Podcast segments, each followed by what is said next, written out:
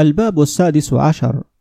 في ذكر الوزراء وصفاتهم وأحوالهم وما أشبه ذلك. قال تعالى حاكيا عن موسى عليه السلام واجعل لي وزيرا من أهلي. طه 29 فلو كان السلطان يستغني عن الوزراء لكان أحق الناس بذلك كليم الله موسى بن عمران عليه السلام.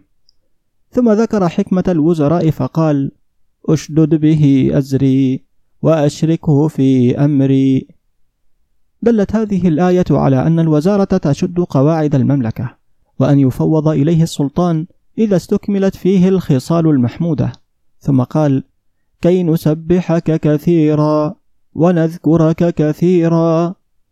دلت هذه الآية على أن بصحبة العلماء والصالحين أهل الخبرة والمعرفة تنتظم أمور الدنيا والآخرة. وكما يحتاج اشجع الناس إلى السلاح وأفره الخيل إلى الصوت وأحد الشفار إلى المسن. كذلك يحتاج أجل الملوك وأعظمهم وأعلمهم إلى الوزير. وروى أبو سعيد الخدري رضي الله عنه قال ما بعث الله من نبي ولا استخلف من خليفة إلا كانت له بطانتان بطانة تأمره بالمعروف وتحضه عليه وبطانة تأمره بالشر وتحضه عليه والمعصوم من عصمه الله. وقال وهب بن منبه قال موسى لفرعون آمن ولك الجنة ولك ملكك. قال حتى أشاور هامان.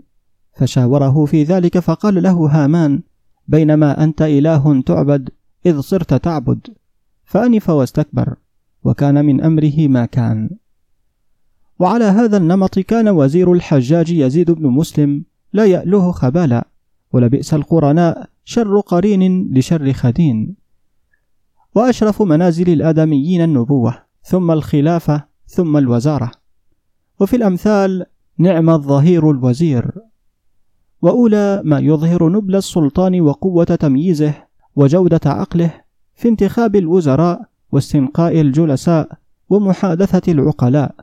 فهذه ثلاث خلال تدل على كماله وبهذه الخلال يجمل في الخلق ذكره وترسخ في النفوس عظمته. والمرء موسوم بقرينه وكان يقال حلية الملوك وزينتهم وزراؤهم. وفي كتاب كليل ودمنة لا يصلح السلطان إلا بالوزراء والأعوان.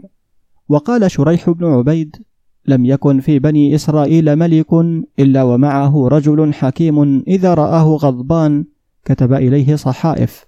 وفي كل صحيفة ارحم المسكين واخشى الموت واذكر الآخرة. فكلما غضب الملك ناوله الحكيم صحيفة حتى يسكن غضبه. ومثل الملك الخير والوزير السوء الذي يمنع الناس خيره ولا يمكنهم من الدنو منه كالماء الصافي فيه التمساح. فلا يستطيع المرء دخوله وإن كان سابحا وإلى الماء محتاجا. ومثل السلطان كمثل الطبيب ومثل الرعية كمثل المرضى ومثل الوزير كمثل السفير بين المرضى والأطباء فإذا كذب السفير بطل التدبير. وكما أن السفير إذا أراد أن يقتل أحدا من المرضى وصف للطبيب نقيض دائه فإذا سقاه الطبيب على وصفة السفير هلك العليل. كذلك الوزير ينقل إلى الملك ما ليس في الرجل فيقتله الملك. فمنها هنا شرط في الوزير أن يكون صدوقا في لسانه عدلا في دينه مأمونا في أخلاقه بصيرا بأمور الرعية. وتكون بطانة الوزير أيضا من أهل الأمانة والبصيرة. وليحذر الملك أن يولي الوزارة لئيما. فاللئيم إذا ارتفع جفى أقاربه وأنكر معارفه واستخف بالأشراف. وتكبر على ذوي الفضل.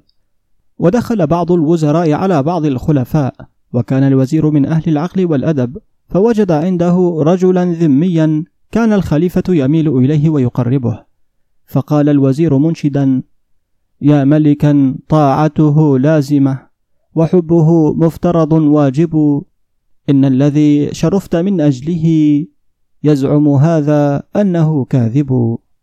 وأشار إلى الذمي فاسأله يا أمير المؤمنين عن ذلك. فسأله فلم يجد بدا من أن يقول هو صادق فاعترف بالإسلام.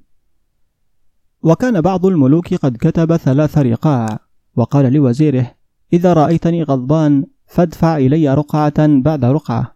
وكان في الأولى أنك لست بإله وأنك ستموت وتعود إلى التراب فيأكل بعضك بعضا. وفي الثانية ارحم من في الأرض يرحمك من في السماء. وفي الثالثة اقض بين الناس بحكم الله فإنهم لا يصلحهم إلا ذلك. ولما كانت أمور المملكة عائدة إلى الوزراء وأزمة الملوك في أكف الوزراء سبق فيهم من العقلاء المثل السائر فقالوا لا تغتر بمودة الأمير إذا غشك الوزير وإذا أحبك الوزير فنم لا تخشى الأمير. ومثل السلطان كالدار والوزير بابها. فمن أتى الدار من بابها ولج ومن أتاها من غير بابها انزعج.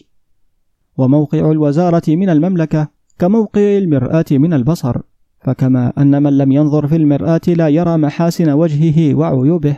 كذلك السلطان إذا لم يكن له وزير لا يعلم محاسن دولته وعيوبها. ومن شروط الوزير أن يكون كثير الرحمة للخلق رؤوفا بهم. واعلم أنه ليس للوزير أن يكتم عن السلطان نصيحة وإن استقلها. وموضع الوزير من المملكة كموضع العينين من الرأس.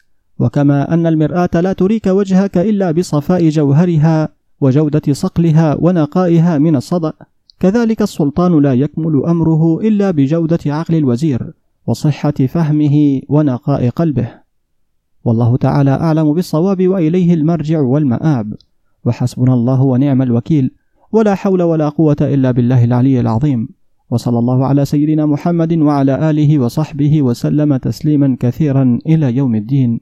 والحمد لله رب العالمين.